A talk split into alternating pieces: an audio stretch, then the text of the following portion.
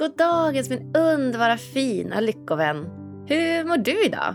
Ja, solen lyser här utanför fönstret och det känns ju nästan som vår ute. Tycker ni inte det? Tack snälla, snälla för att just du väljer att lyssna på den här podden. För jag, jag tycker verkligen att det är så klokt av dig att välja lycka och välmående i livet. Finns det något viktigare egentligen? Nej, jag tror inte det. Agnes Sjöström heter jag och jag är så stolt över att fortfarande kunna presentera det fantastiska relationsbaserade företaget Training for Love som samarbetspartner till oss här i Lyckopodden.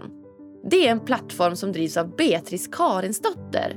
Hon som gästade podden i avsnitt 154, ni vet. Beatrice hjälper individer eller par att träna på kärlek. Antingen var för sig eller tillsammans. För det är faktiskt inte alltid så himla lätt.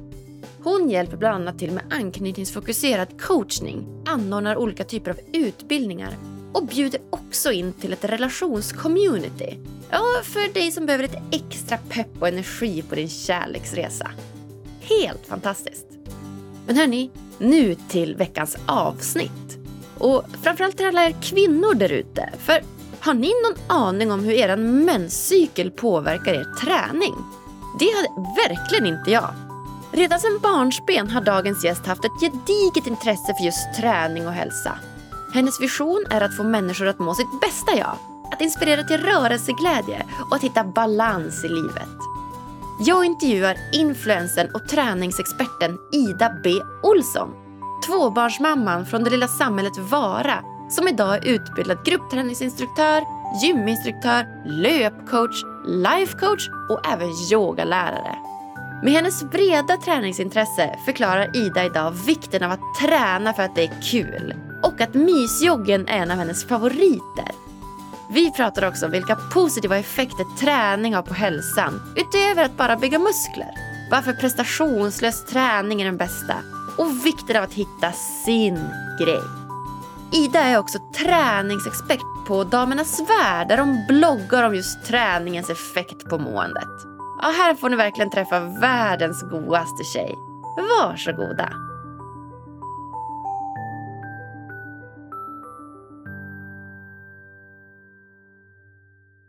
Då säger jag hjärtligt, hjärtligt välkommen till veckans gäst, influensen och träningsfreaket Ida B. Olsson. Nej, men tackar! tackar, tackar. Träningsfreak också. Ja, kanske.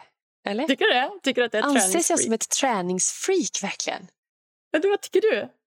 Nej, men alltså, jag tycker ju ändå att jag så här gör det jag tycker är roligt. Precis som att eh, någon tycker det är eh, kul att eh, spela spel eller eh, hoppa hopprep eller dansa så tycker jag att det är så kul med träning. Så att för mig är det ju ingen sån big deal att säga jag skiljer på träning och vardagsliv. Eller vad ska jag säga, det är, det är min hobby, det är min livsstil, det är det jag älskar att göra. Men det är klart att ja, det beror ju på. Det är väldigt nyanserat. Alltså var är man själv i sin träningsbild? Och jag menar, jag har ju sån tydlig så här, jag cyklar och springer och styrketränar yoga. Det blir väldigt träningsaktigt liksom. Som du sa, du höll på med hästar. Det har väl du aldrig sett som kanske träning? Eller? Exakt. Nej, verkligen nej. inte. Och det när du åker bräda? Och... Ja, nej, det är hobby. Men det är ju ja. träning också. Ja. ja, ja, exakt. Ja. Och det är samma för mig. Ja, mer en hobby. Kul! Du är superroligt att ha dig här, Ida. Ja, men jag är så glad att få komma, för jag älskar ju din podd. Gör du det?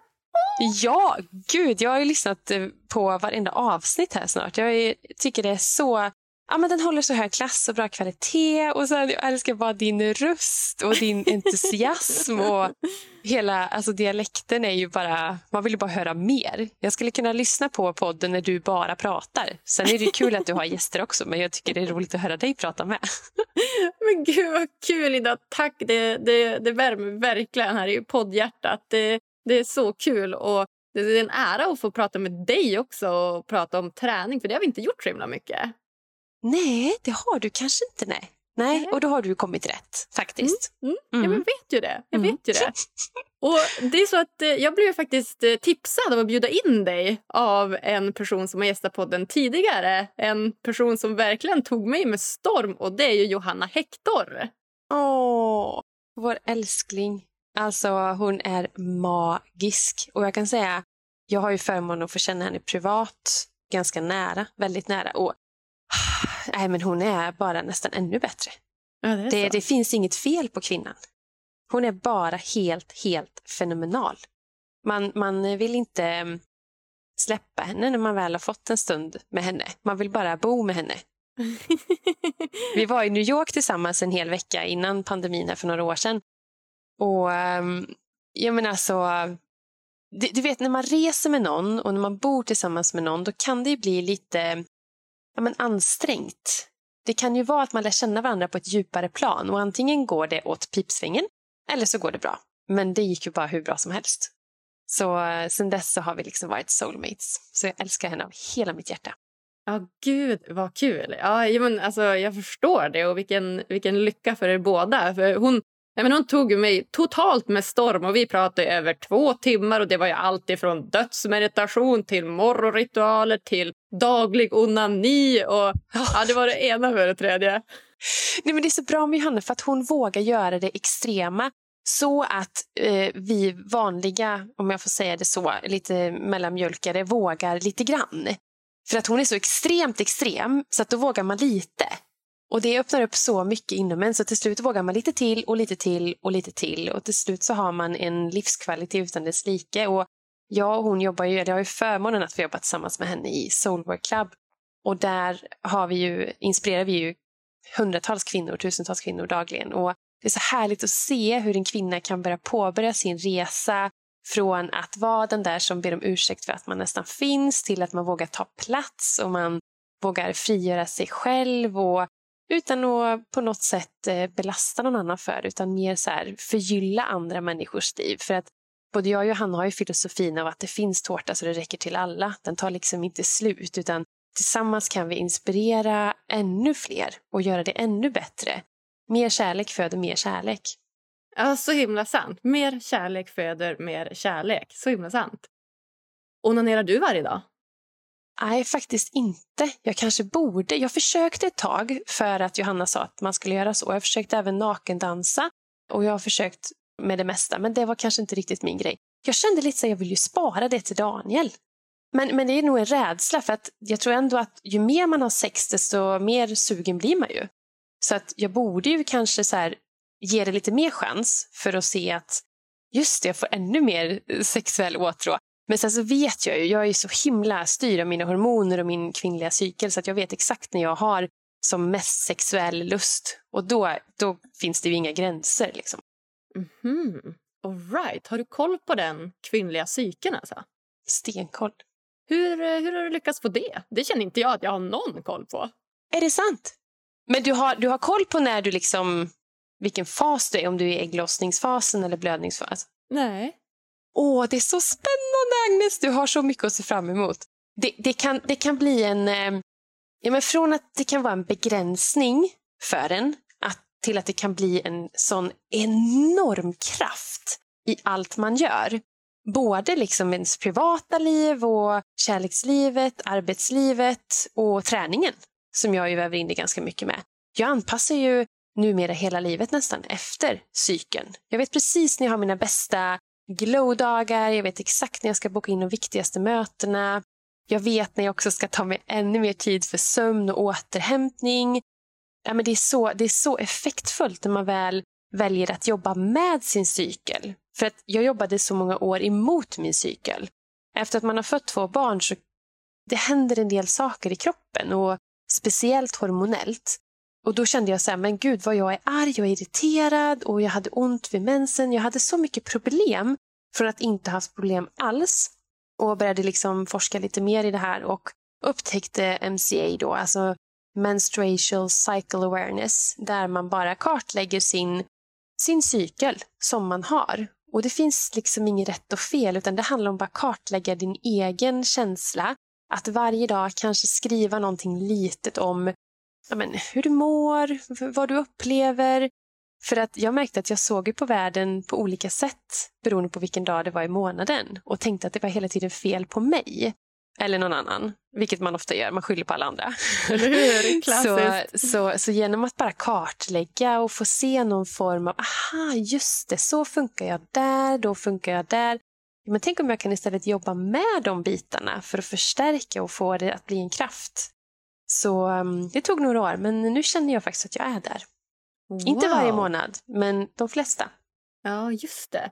Men gud, okej, okay, men det här måste vi grotta in oss i. För, ja, men som sagt, jag har, jag har ju mens varannan, eller varje månad. Men det är liksom inte så att jag tycker den är särskilt regelbunden. Och det är som du säger, vissa dagar kan jag vara lite mer låg och andra dagar är jag liksom mer peppad. Men hur, hur gör jag nu om jag vill ta kontroll över det här och lära mig mer om min cykel? Ja, men det handlar bara om ditt eget facit som jag sa, att föra din dagbok på det. Och sen kommer du kanske kunna se ett mönster förhoppningsvis. Det går ju inte efter en eh, månad utan du kanske får bokföra en fyra för att se någon form av mönster, helst ett halvår. Så att du ser att ja, men just det, där var jag ju låg samma tidpunkt i cykeln som jag var förra månaden. Eller att det kan vara så att du kanske inte riktigt har omfamnat det du behövde i den delen av cykeln just då. Säg att man är då precis innan blödning så de flesta kvinnor känner sig lite låga på energi, man blir kanske lite svullen, man blir lite mer trött, man eh, kan bli sugen på lite choklad, man behöver lite mer kärlek, man är lätt blödig. Och istället för att jobba emot det och tycka bara gud jag är så konstig, jag är så konstig och jag ska, ingen ska se det här och ingen ska få märka det här. Om man istället då kan som jag kan säga till Daniel, jag vill bara ha en kram. Jag vill bara sitta och titta på en film där jag får gråta och få en kram och äta min choklad. För jag vet att det bara är just idag och imorgon som jag känner så. Och om jag omfamnat det då, då märker jag att om två veckor när ägglossningen kommer så har jag mycket mer sexuell energi och jag känner mig mycket piggare, jag är gladare. Jag har den där kraften när jag ska ha den för att jag omfamnade det för några veckor sedan. Så det är liksom en cykel. Vi lever i en dynamisk cykel. Och, och sen ibland kan man inte alltid omfamna det för världen ser inte ut så. Eller livet med barn och familj och jobb ser inte ut så att man bara kan ligga i soffan och äta choklad och få kramar. Men de gångerna jag gör det så märker jag skillnad. Och bara ha den kanske medvetenheten och strävan efter. Verkligen. Och vad, vad behöver jag skriva i den här dagboken? då? Säg att det bara är någon liksom liten rad. Vad, vad är det jag ska fokusera på när jag skriver. Att inte vara så himla perfekt och duktig när du skriver det utan bara precis exakt det du känner. Är det mitt humör jag ska gå efter? Ja, humör eller vad du hade lust att säga till grannen när han slängde soporna fel. Eller eh, något fysiskt, om det är det du upplever som mest, det som kommer precis till dig. Att idag känner jag mig grå i ansiktet, svullen om magen. Punkt. Ja, då har du någonting som du har skrivit. Så det får liksom inte bli prestation i det. Och en annan dag kan det vara jag känner mig att jag har kort stubin, eh, jag vill bara tugga saltlakrits. Alltså det behöver inte vara så mycket utan bara de här små sakerna som eh, karaktäriserar dagen från dagen som var innan. Ja men bra, jag ska börja med det här direkt för det är faktiskt andra mars idag då för oss. Det släpps ju inte den andra mars men idag är det ju andra mars. ja men ta, ta din cykel. Så dag ett är första dagen på din blödning. Så gå efter din cykel, för alla har vi olika. En del har 25 eh, dagar, en del har 40 dagar. Så att försök att gå efter din cykel, hur många dagar det blir. Och Det kan också variera, men sen kommer du också där se att just det, jag har ju så här många dagar i min cykel. Ja men exakt, för det är det. Det kan nog vara så att jag har lite ojämnt antal dagar då och inte just 31 eller 30 som en månad är. För det är därför jag alltid så här, tycker att min mens kommer så oregelbundet. Och jag tycker det är så många tjejer som bara Ja, nu är klockan 12.03 den du vet, femte. Nu kommer mensen om två timmar. Och det är så, så har det aldrig varit för mig. Nej, Nej och det är så du funkar. Ja. Och det, så det är inte det du ska fokusera på, att du måste ha en speciell dag, utan bara mer så här, ungefär jag vet att nu är det nog ägglossning. Och du som inte har barnen, om, om du kanske vill ha barn en dag, då vet du ju på ett ungefär om du lär känna din kropp att när är det dags att vara fertil. Um, utan att det blir prestation och pressat för dig. Mm. Ja, men verkligen. Tror du att det hjälper med att göra sån här natural cycle-grej? Eh, du, jag har faktiskt inte testat dem, så jag låter det vara osagt hur det funkar. Jag vet att det är någonting med tempen och så, men jag, har, jag, jag vet faktiskt inte så mycket om dem. Men jag har hört, det jag har hört är bra. Så att, ja. Ja. ja, men samma. Jag har också hört väldigt bra om dem, så att, eh, ja, kanske ska prova det också. Men bra! Vad härligt! Kul, Lida! Jättebra tips! Eh, ja, men du, det vi ska prata om idag det är egentligen någonting helt annat hade jag tänkt.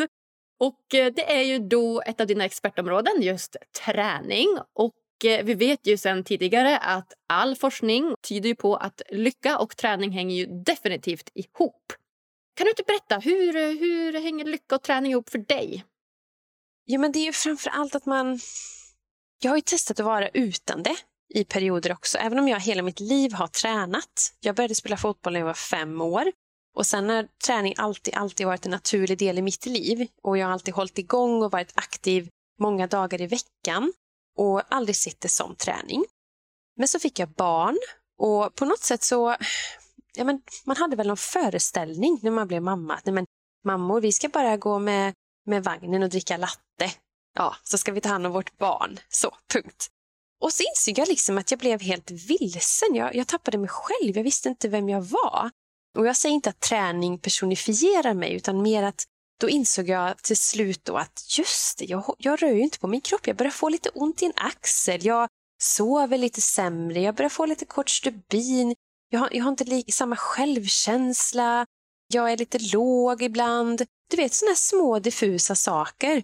Och sen så kände jag också att kroppen blev, ja men det här med smärta i kroppen, att jag nästan hade ont trots att jag var så ung.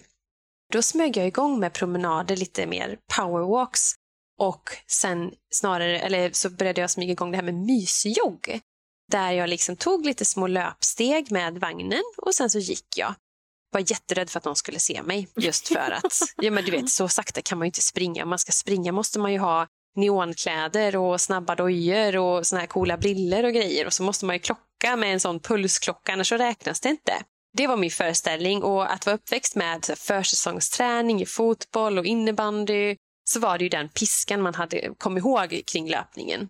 Men så kände jag att någonting förändrades bara jag fick höja min puls. Någonting inom mig hände. Även om det inte gick fort, även om det inte var några längre sträckor, så var det någonting som hände och jag kunde inte ta på det. Men sen i efterhand så har jag förstått att det var ju den delen som saknades.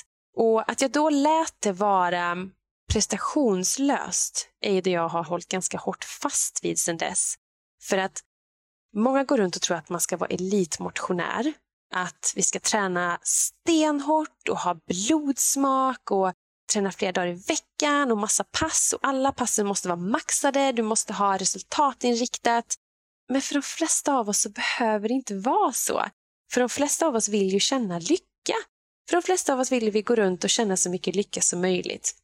Jag är en liten lyckoknarkare. Jag vill ha så mycket lycka så att jag, jag får inte nog, för jag vet att det är ett kort, kort tillstånd. Att det inte är någonting som är beständigt. Så därför går jag liksom och hittar alla sätt att knarka lycka. Och just träningen är ett sånt enkelt sätt att faktiskt få till en sån high på just lycka. Och då har jag hittat min grej som är löpning framför allt. Men jag tycker lika mycket om att cykla eller yoga eller träna. Men det handlar om att hitta sin lycka i träningen. För ingen mall finns som säger att du måste träna så här för att hitta lycka. Utan det är när du bara tillåter dig själv. Vad, vad strävar jag efter? Vad känner jag att jag vill göra för att röra på kroppen? För att jag tror faktiskt att jag kommer må lite bättre av det. För jag, jag har i alla fall aldrig hört någon som har sagt att Nej, du vet, jag började träna, vet du. Gick åt helsike. Jag blev så, blev så ledsen, vet du. Söv inget och det har man ju sällan hört. Det är sällan att du kommer hem efter en, en kvarts mysjogg i skogen och bara ah, varför sprang jag? Gud vad onödigt. nej, nej, det händer ju aldrig. Nej, och jag tror att om man hittar den lilla lyckan i det man gör i träningen då tror jag att det kommer också bli långsiktigt. Och det är det vi vill med träningen. Träningen ska ju vara det långsiktiga, hållbara, friska, sunda sättet att belöna sin kropp. Det ska inte vara det här att någon står med en piska mot dig och säga att så här måste du göra och så här måste du se ut för att kunna träna. Utan lyckan i träningen är när du hittar din grej. Ja, alltså jag håller helt med dig. Och att du tränar ju för att du tycker att det är kul och sen så får du ju alla de här positiva effekterna såsom dopaminkick och så som gemenskap, så som en stark kropp, så som att undvika smärta. Det kommer ju på köpet. Så att, ja, det viktiga känns ju verkligen som att hitta, att hitta sin grej. Ja, men verkligen. Och just att som du säger, det kommer så mycket goda effekter, kanske inte direkt. För att jag tror att en del strävar efter det här perfekta. Men bara jag får, får jag äta exakt den här maten och träna exakt det här, då blir det exakt det här. Och Det är det jag skulle vilja säga till alla som har svårt att komma igång, att det finns inte. Det där sättet finns inte, utan det är en process där du smyger igång någonting som du faktiskt vill göra igen.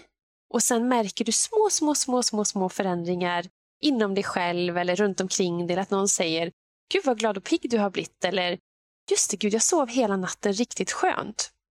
Så det hänger ihop med träningen och att man har det som mål och eh, kompass istället för att känna att man måste eh, bli av med kilon eller man måste forma kroppen på ett visst sätt. Och det kommer ju av sig självt ändå. Men om du hittar den här inre motivationen i form av att jag vill göra det här igen för jag belönar min kropp, då kommer du göra det igen.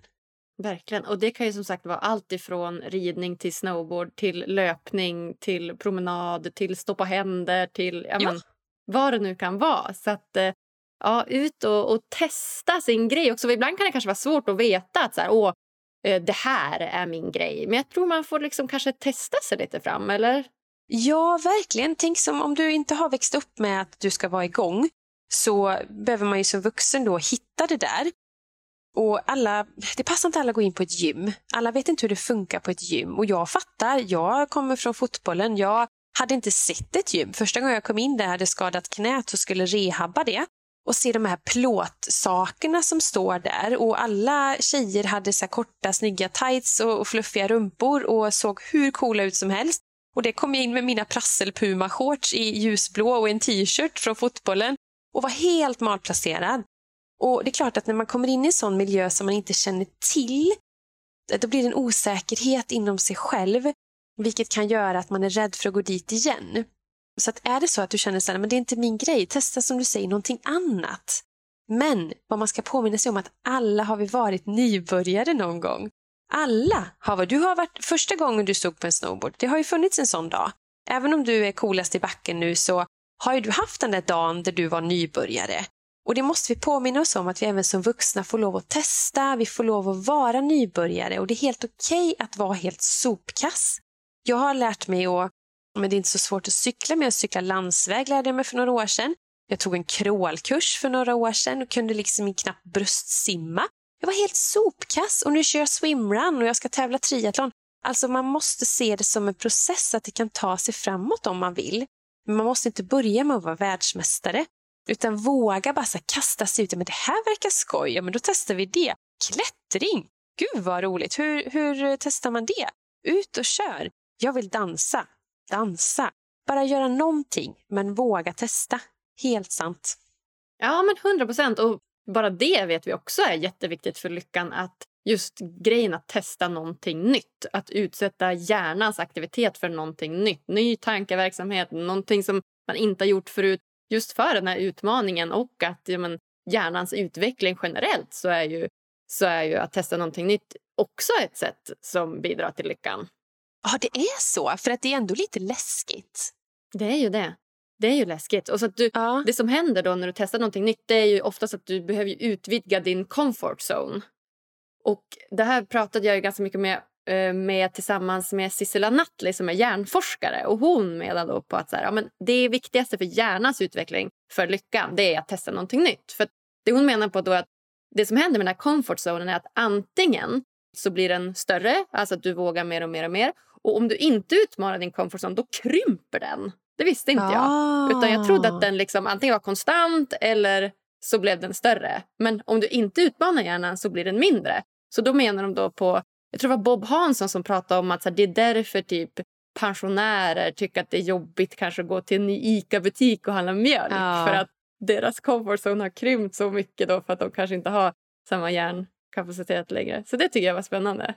Jo, men det har du faktiskt rätt i. Att människor som inte riktigt som lever i en ganska sluten sfär i sitt liv och inte får nya perspektiv kan ju också bli lite rädda i hur de tänker. Det är de som ofta, va, hur vågar du det? Åh, ska du? Nej fy, det skulle jag aldrig våga. Så helt sant, ja absolut, helt sant. Och så att man gör då samma sak om och om igen, att man hamnar i den här rutinen. Och det är också lite så här, ja, men hjärnan gillar ju rutiner också. Vi vill ju känna igen oss. Det är också något som så här, vi vill förstå. Och det är väl därför tänker jag som ja, men bland annat Johanna är så himla inspirerande. För att hon verkligen utmanar sig själv och då utmanar andra också för att hon är så extrem. Ja. Jo, men att man också kan visa sig sårbar i det och att det blir en styrka. Som jag har blottat det här med att jag inte kunde simma typ och, och går en crawlkurs. Att man vågar säga att jag var helt kass på det här. Och jag började spela tennis. Jag är fortfarande helt värdelös. Alltså fruktansvärt. Jag har nästan det är nästan så jag får en egen hage, eller alltså en egen plan. Eh, så illa är det. Men jag tycker att det är roligt. Mm. Och det är en social grej och jag går dit med glädje och jag kan, jag kan vara sämst, det gör ingenting. Men alltså jag vågar testa någonting nytt, jag vågar gå utanför min comfort zone, jag vågar gå in på en arena framför allt som jag inte känner till. När du kommer till ett stall eller en eh, anläggning, ridsportsanläggning, då vet du vad är kutymen, hur snackar man? Du, du känner dig trygg där. Vart du än är i Sverige på en ridanläggning så, så känner du dig trygg. Och, och, så känner ju jag när jag går in i min sfär med det jag kan. Precis som en banktjänsteman känner att jag kan gå in på vilken bank i hela världen för jag vet hur jag ska prata med banktjänstemannen där inne. Så att vi måste också påminna oss om att man kan inte vara experter på allting. Att jag är bra på träning och hur det funkar på olika arenor, det är ju för att jag jobbar med det. Det är mitt arbete, jag ska vara trygg där. Och det är mitt, mitt jobb att också välkomna alla in där. Och jag skulle vilja säga att det finns ju ingen som ska vara exkluderad i de arenorna vart man än vill testa. Det finns inget sånt, utan man är välkommen precis var som helst. Och det bästa man kan göra det är bara så här, hej, här är jag. Jag vet inte hur det här funkar. Kan du hjälpa mig? För det är fantastiskt att få bli hjälpt och få hjälpa. Eller hur? Och kommer man till en plats där man säger så, bara så här, jag är sårbar men ändå stark nog att säga detta att jag vill ha hjälp för att jag vill börja med det här. Självklart får man hjälp. Och just att man vågar i träning och man vågar utmana sig med nya saker i den fysiska kroppen gör ju också att man stärker sig i den psykiska delen, alltså den mentala hälsan kommer ju som en liten svans på den fysiska delen av att jag vet att jag klarar det här för att jag är stark. Varför jag tränar framför allt är ju för att jag vill känna att jag när som helst, om du skulle säga till mig nu så här, vet du vad är det? jag sitter utanför huset här, jag tänkte vi skulle springa en halvmara idag och sen eh, imorgon ska vi lyfta 100 kilo. Absolut, vi kör. Att jag är beredd på och klarar av det mesta och att jag är säker på det. Och i och med att jag är säker i min styrka, i min fysiska styrka, då blir jag ju också mer säker och modig och stark i den mentala biten. Så att när någonting händer, för det vet vi alla, livet kommer ju upp och hoppar upp och biter i röven ibland. då måste man kunna hantera det. Och där har jag ju också märkt att från att då, när jag var småbarnsförälder och inte tränade, till att vara så här, oj, oj, oj, lite ängslig och lite orolig och hur ska detta gå nu? Och jag ville knappt släppa mitt barn för jag var lite, oh, hur ska det här gå? Till att nu, när jag kan med god, alltså, gott självförtroende säga till mina barn att vet ni vad, jag löser allt. Vad de än har för problem så finns mamma här. Jag är liksom björnmamman som bara så här, jag bara kör. Det finns ingenting som jag kan vara rädd för. Jag är inte rädd för någonting. För att jag har den här styrkan fysiskt som också har gjort att jag känner mig stark mentalt. Att man vågar även där. Så att vad träningen gör med en, det är så många, åh, det är så många fördelar på så mycket mer än att man bara får starka biceps. Just att hjärnan mår så gott av den delen. Är du med på vad jag menar? Låter det flummigt eller? Nej, det är superklart. Jag är så glad att du tar upp den just mentala biten också. Det är så självklart när du säger det, men det är inte alltid att man, man tänker på det. Utan oftast när man ska börja träna så är det ju så, ja, men så är det lite uppförsbacke att ta sig till gymmet eller ta sig dit man ska. Men jag tror också att om man vet om de här liksom, tusen fördelarna som kommer på köpet så blir det lite, lite lättare. Jag hoppas att tröskeln kan bara minska lite, att vi inte har så svårt att ta oss över. Vi har så mycket information idag så att det, det svåra är inte alltid hur vi ska göra för att träna utan det viktigaste är att hitta sitt eget varför. Varför ska jag träna? Och om man bara frågar sig själv så hoppas jag att de flesta känner att jo, men det kan nog vara bra. Jag vill kanske kunna eh, leka med mina barnbarn när jag är 69 år gammal och jag vill nu när jag är 32 år kunna böja mig ner och ta upp en legobit utan att göra sönder ryggen.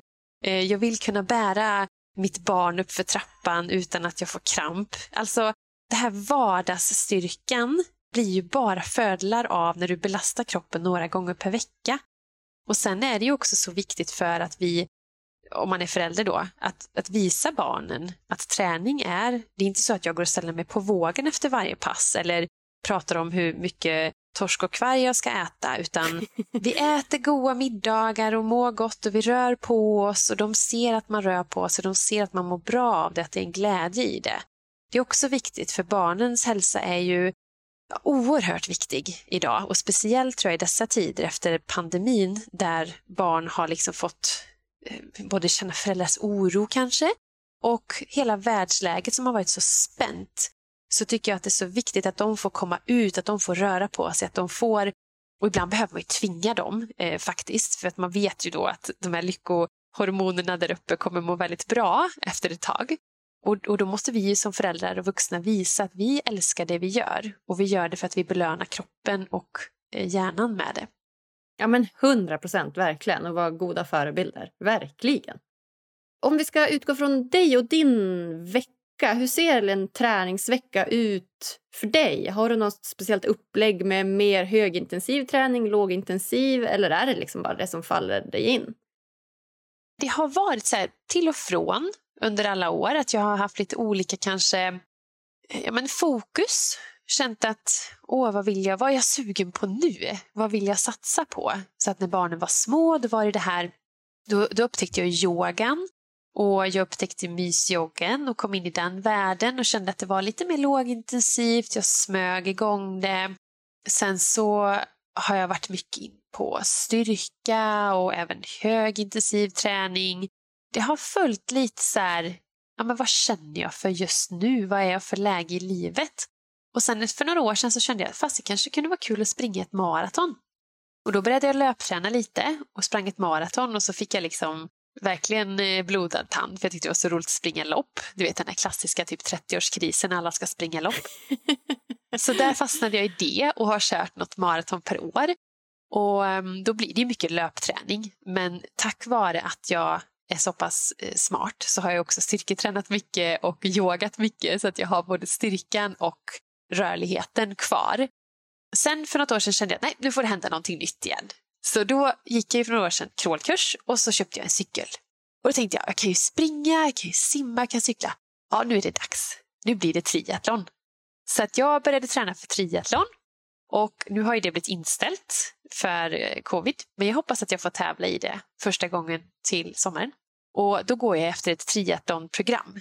Jag har en manlig coach som skriver mina program. Men jag har involverat honom i det här med cykeln just för att jag eh, också vet att vi har inte riktigt samma hormoner cykelns två sista veckor. Så att vi kan inte riktigt bygga muskler på samma sätt veckorna efter ägglossning innan blödning. Mm. Och jag har känt lite så, det är precis då jag kan vara lite svag i lederna och det är då jag kan stuka fötterna och det är då det har känts tungt. Så att jag anpassar faktiskt varje månad efter min cykel även där. Så att jag har mer rörlighet och kondition sista två veckorna och lite lugnare pass sista veckan. Men jag, på en vecka kanske jag tränar, jag tränar ju nästan varje dag någonting. Men en del pass är ju lite mer lugna och återhämtande och en del är lite mer högintensiva. Men det är löpning, cykling, snart kommer simningen in, styrka och varje morgon kör jag ju yoga och lite extra yoga. Så, så det är mycket träning, men eh, max en timme om dagen. Liksom. Och vad mysigt att börja varje dag med yoga. Det ska jag också börja med. Det, jag har ju haft en supertydlig morgonrutin men jag har också kommit ur den lite nu. Jag vill liksom in i yogan mer. Det är ju så härligt. Ja men det är också en sån där grej som man bara, varför drar jag mig för det här? Varför gör jag det inte? Och, och det är någonting som man behöver ha som nästan en ritual på morgonen. Så jag har ju också min ritual på morgonen som jag alltid måste göra. Inte alltid, alltid, men jag försöker göra den på vardagarna där jag liksom går ner och så vaknar jag innan förhoppningsvis någon annan har vaknat. Jag tar mitt citronvatten, jag tänder min Palo Santo, jag gör min sadhana som är samma rörelser varje dag. Så att jag vet när jag kommer till mattan så bara kroppen går av sig självt. Och oftast så gör jag det i pyjamas eller morgonrocken. Så det finns inget motstånd i det utan jag bara, jag bara flödar med det och så djupandas jag och kanske en liten kort meditation. Och att starta dagen på det sättet sätter ju ganska bra förutsättningar för att det ska bli en bra dag. Och ibland, som sagt, hoppar livet upp och biter den och då kan man inte. Men för det mesta så försöker jag göra den lilla. Och då blir inte tröskeln så hög heller. Men säger jag till mig själv att ah, nu ska jag yoga 90 minuter tre dagar i veckan och gå på studio eller en onlineklass, då, då blir det inte av. Utan yoga och rörlighet gör så mycket för alla om man bara gör det en liten, liten, liten stund. Min sekvens kanske är mellan 7 och 12 minuter. Och jag känner mig så frisk och så rörlig och sen adderar jag med något yogapass i veckan om jag känner för det. Men bara det här, det du gör varje dag, det här lilla. Och hur gott det känns i kroppen att bara, åh oh, gud, öppna upp bröstkorgen, sträcka ut nacken, dra lite grann i ländryggen, stretcha baksida lår som man är så stel i. För det kommer ju bara bli värre ju äldre man blir också. Stelheten alltså. Ja. Så ehm, det är någonting jag skulle önska att alla eh, tog till sig. Att bara ställa klockan tio minuter tidigare och gå upp och bara... Du behöver inte ens ha en matta. Du kan gå ner från sängen i morgonrocken eller pyjamasen och bara stretcha kroppen lite. Ta några djupa andetag. För vad gör vi annars? Klockan ringer från mobilen, tjoff, ögonen rätt på den, rätt in i Instagram och scrollande, flöden. Jag ska bara kolla mejlet, jag ska bara kolla vädret och så måste jag kolla när bussen går och så ska jag bara skicka iväg det. Och så är du igång. Om man istället försöker att vakna i sig själv först en liten stund innan man möter omvärlden och alla andra och kanske man till och med hinner sätta en liten intention kring hur man vill att dagen ska bli så skapar man ju ganska bra förutsättningar också för sig själv. Så när jag har gjort den här lilla sekvensen, då går jag och tränar. Så jag tränar alltid på morgonen mellan 6 och 7. Jaha, ja oh, gud vad härligt att starta dagen så. Ja, det är helt fantastiskt. Jag, brukar, jag är också en riktig morgonmänniska så att jag är bra på att gå upp och så har jag min meditation jag gör varje morgon och sen så ska jag nu vilja lägga till lite yoga. Ja, vi, är, vi är ett litet tjejgäng som tränar så att eh, antingen om vi tränar på dagen eller ja, när, det, när det passar. För det ger mig motivation att kunna göra det tillsammans också.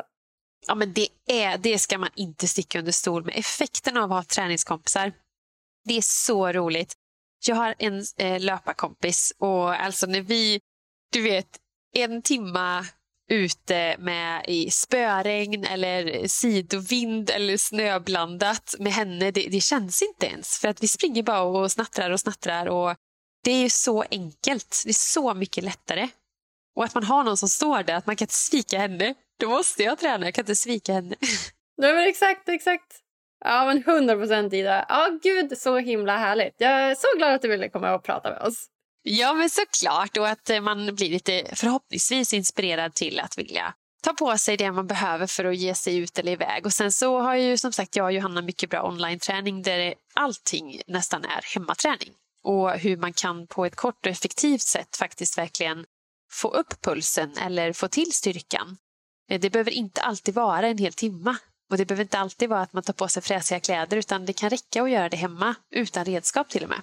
Ja, just det. Och hur får man tillgång till de eh, online-träningarna? Du kommer in på soulworkclub.com och så kikar man igenom vad vi har för program och vi har även membership där man kan eh, köpa så att man kan välja program eller så går man efter vårt eh, månadsschema där.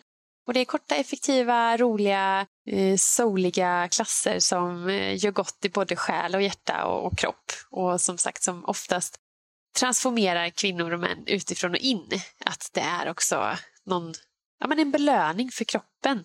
Att träning blir roligt, enkelt, lustfyllt, lekfullt och tillgängligt framför allt. Att det är så lätt att bara ta till att göra det. För det tror jag också många känner ibland att, ja men var ska jag börja?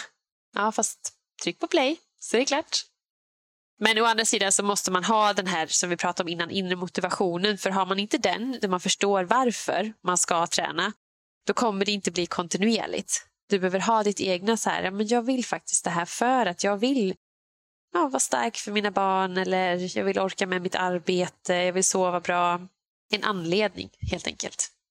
Ja men hundra procent, verkligen. Så himla många bra tips alltså. Eh, jag tänker att vi ska gå in på de sista frågorna här innan vi lämnar varandra idag. Och eh, den första frågan är ju då, vad gör dig riktigt lycklig? Alltså, jag är ju väldigt lycklig i naturen och om jag får göra det samtidigt som jag rör på mig Så min, min bästa så här, lycko, så här, om jag får så här, du har en timme, du får lyckogötta dig. Får gå och mysjogga i skogen med eh, kanske hunken och sen så få springa till bryggan, ta ett dopp i havet, gärna naken och sätta sig på bryggan och soltorka och äta typ kanelbullar och dricka kaffe. Det är så här ultimat lycka och att barnen sitter där också. Förmodligen slår ihjäl varandra men kanske kan vara lite glada ett tag. Men, men det här att få vara... tycker man landar mer och mer i det ju äldre man blir. Att det krävs inte så himla mycket stora efforts och speciellt inte efter det här året så inser man att vad är det jag blir lycklig av? Jo, men det är ju faktiskt det här jag ändå har som jag inte har blivit av med. Det är ju min familj, att jag är frisk och att jag får röra på mig och att få bo vid havet. Mm, 100 procent. Så det gör mig riktigt lycklig. Och sen alltså att få se andra människor lyckliga, det gör mig faktiskt väldigt lycklig. När jag ser andra människor lyckliga så blir jag, jag har så stark empati. Så även vad de än är lyckliga för, åh gud hon är lycklig, gud vad glad jag blir att hon är lycklig. Jag älskar verkligen att se andra människors lycka. Det är, det är också någonting som smittar tycker jag. Mm, vad fint! Gud vad härligt! Wow! Om du fick ge lyssnarna en utmaning som de kan göra varje dag för att bli lite lyckligare, vad skulle det vara då? Att tillåta sig att ta några djupa andetag. Det måste inte vara någon avancerad pranayama, man måste inte ha gått en yogakurs utan bara låta andetaget sippra ner mellan bröstkorgen och in i magen och vidga revbenen och låta axlarna sjunka ner och käkarna slappna av. Att bara djupandas tre, fem, tio andetag varje dag för att få någon form av ah, det är här jag är. Just det. Det är nu. Det är nu. För vi kan ju inte påverka det vi har varit med om. Och vi vet ingenting om framtiden. Vi kan tro att vi vet mycket, men vi har ingen jäkla aning. Så det enda vi kan egentligen ta del av är nu. Hela tiden nu. Så jag tror att påminna sig om det då och då, i alla fall en gång varje dag, belöna sig med det. Just det, det är nu. Det är inte bara sen. Det är nu. Det tror jag. Och helst ute i skogen. Wow, verkligen. Eller på ett berg eller vid havet. Ja, någon natur. absolut. Någon natur. Så skog, berg, fjäll, hav. Där du liksom får Moder Jords äkta kärlek utan att behöva forcera den eller någonting. Bara, bara känna att du har den och att den finns där för dig. Att det blir som din tryggande, lugnande hand som alltid omfamnar dig med kärlek. Hur mycket det än blåser kring dig så kan du alltid komma dit och hitta kärlek och styrka. Mm, ja, men hundra procent. Moder Jord, allas våran mamma. ja, men faktiskt. Och man ska inte underskatta det. Alltså den kraften som det ger. Jag kan ha barn som är sådär, du vet, oh, det kliar i dem och det, de klättrar på väggarna och de bråkar och det, de vill ingenting och de är sura och så bara jag tvingar ut dem i skogen. Det går två minuter. Sen det plockas pinnar och det snattras och rätt vad det är så kommer det en berättelse om någonting som hände för några dagar sedan. Som jag tror aldrig skulle kommit hemma vid matbordet. När, när man sitter där och säger ja, okej familjen, nu ska vi prata. Är det någon som har något att prata om? Så man ser hur det bara öppnar upp för så mycket mer djup och närvaro. Bara att så här, få vistas i naturen. Ja, hundra procent. Alltså jag tycker också det är, det är magi. Alltså naturen oh. är magisk på alla sätt. Allt som har med naturen att göra det är bara helt fantastiskt. Oh. Nej, men det är verkligen och den läkande, helande kraften som det har. Jag är uppväxt i skogen. Jag är uppväxt mitt ute på, vi hade ju varken hav, sjö, ingenting. Vi hade en liten fiskdamm där bonden odlade grodyngel som han hade grävt ur en sandgrop som vi kunde någon form av vatten. Så jag är ju uppväxt i skogen och just det som alltid kommer tillbaka när man är orolig eller ängslig eller någonting. Det är så här, skogen eller natur. Alltså man vill ut, man vill bara iväg. Men har man inte växt upp med det då kan det vara lätt det här att man söker, man tror att man är hungrig eller man tror att man behöver träna lite hårdare eller prestera lite mer kan, kan vi få människor att förstå att du kan bara gå ut så kommer du känna skillnad. Det är ingen quick fix, det är ingen mirakel, men du kommer känna skillnad. Jag har ju så här um, en ideell löpgrupp i Båstad som heter Mini Runners och det springer vi ju med barn i skogen framför allt. Och ända sedan jag började med det så har jag ju skogsbadat med dem Så nu har vi hållit på i ja, det är två och ett halvt år nu snart. Och de älskar det. Och man bara ser hur de mår gott. De kan vara, du vet, ja, men lite stingsliga. Då vet jag, okej, okay, nu springer vi bara några meter, hundra meter, sen lägger vi oss och tittar upp i tallkronorna.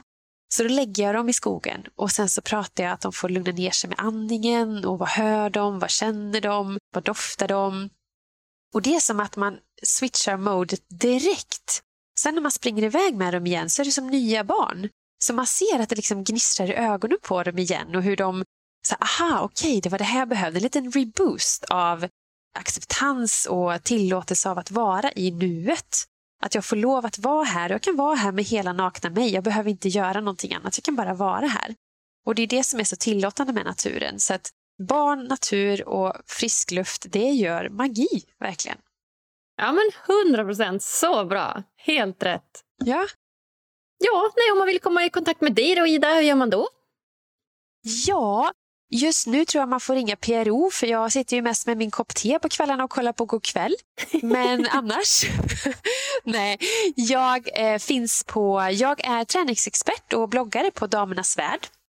Så där kan man eh, läsa min blogg och då är det damernasvärld.se blogg Ida B. Olsson. Och sen så har jag ett Instagram som heter Ida B. Olsson och jag har Facebook som heter Ida B. Olsson. Och så finns jag då även på Soulwear Club med Johanna och sen så har jag en online-tjänst på mymovo.com där man också kan träna tillsammans med mig. Ja, fantastiskt. Och vad är det det här B står för? Är du nyfiken nu eller?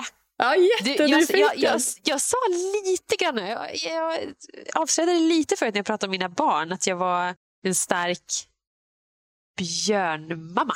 Aha, jag heter okay. Björndal. Jaha! Visst är det, men det är så långt. Ida Björndal Olsson. Du hinner ju somna innan jag är klar. Ska vi dra hela tiden? Signe Ida Marie Björndal Olsson. Så att då blev det Ida B Olsson. Ja, det är mitt flicknamn. Ja, men det sätter en liten, liksom, en liten touch på hela ditt namn tycker jag, med B i mitten. Det är vackert. Ja, tack, tack. Min man ville inte byta när vi skulle gifta oss. Så det var bara, det var bara att acceptera. Ja.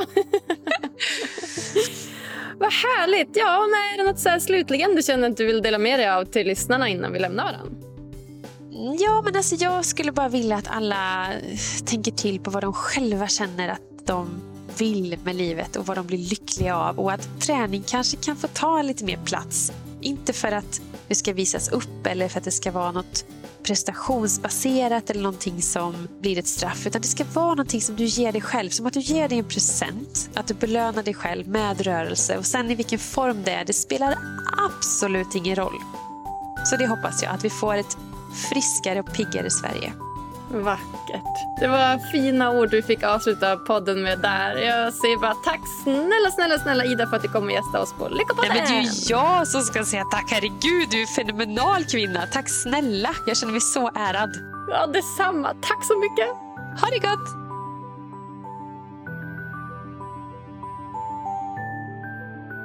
Nej men godaste Ida, vilken sprudlande energi.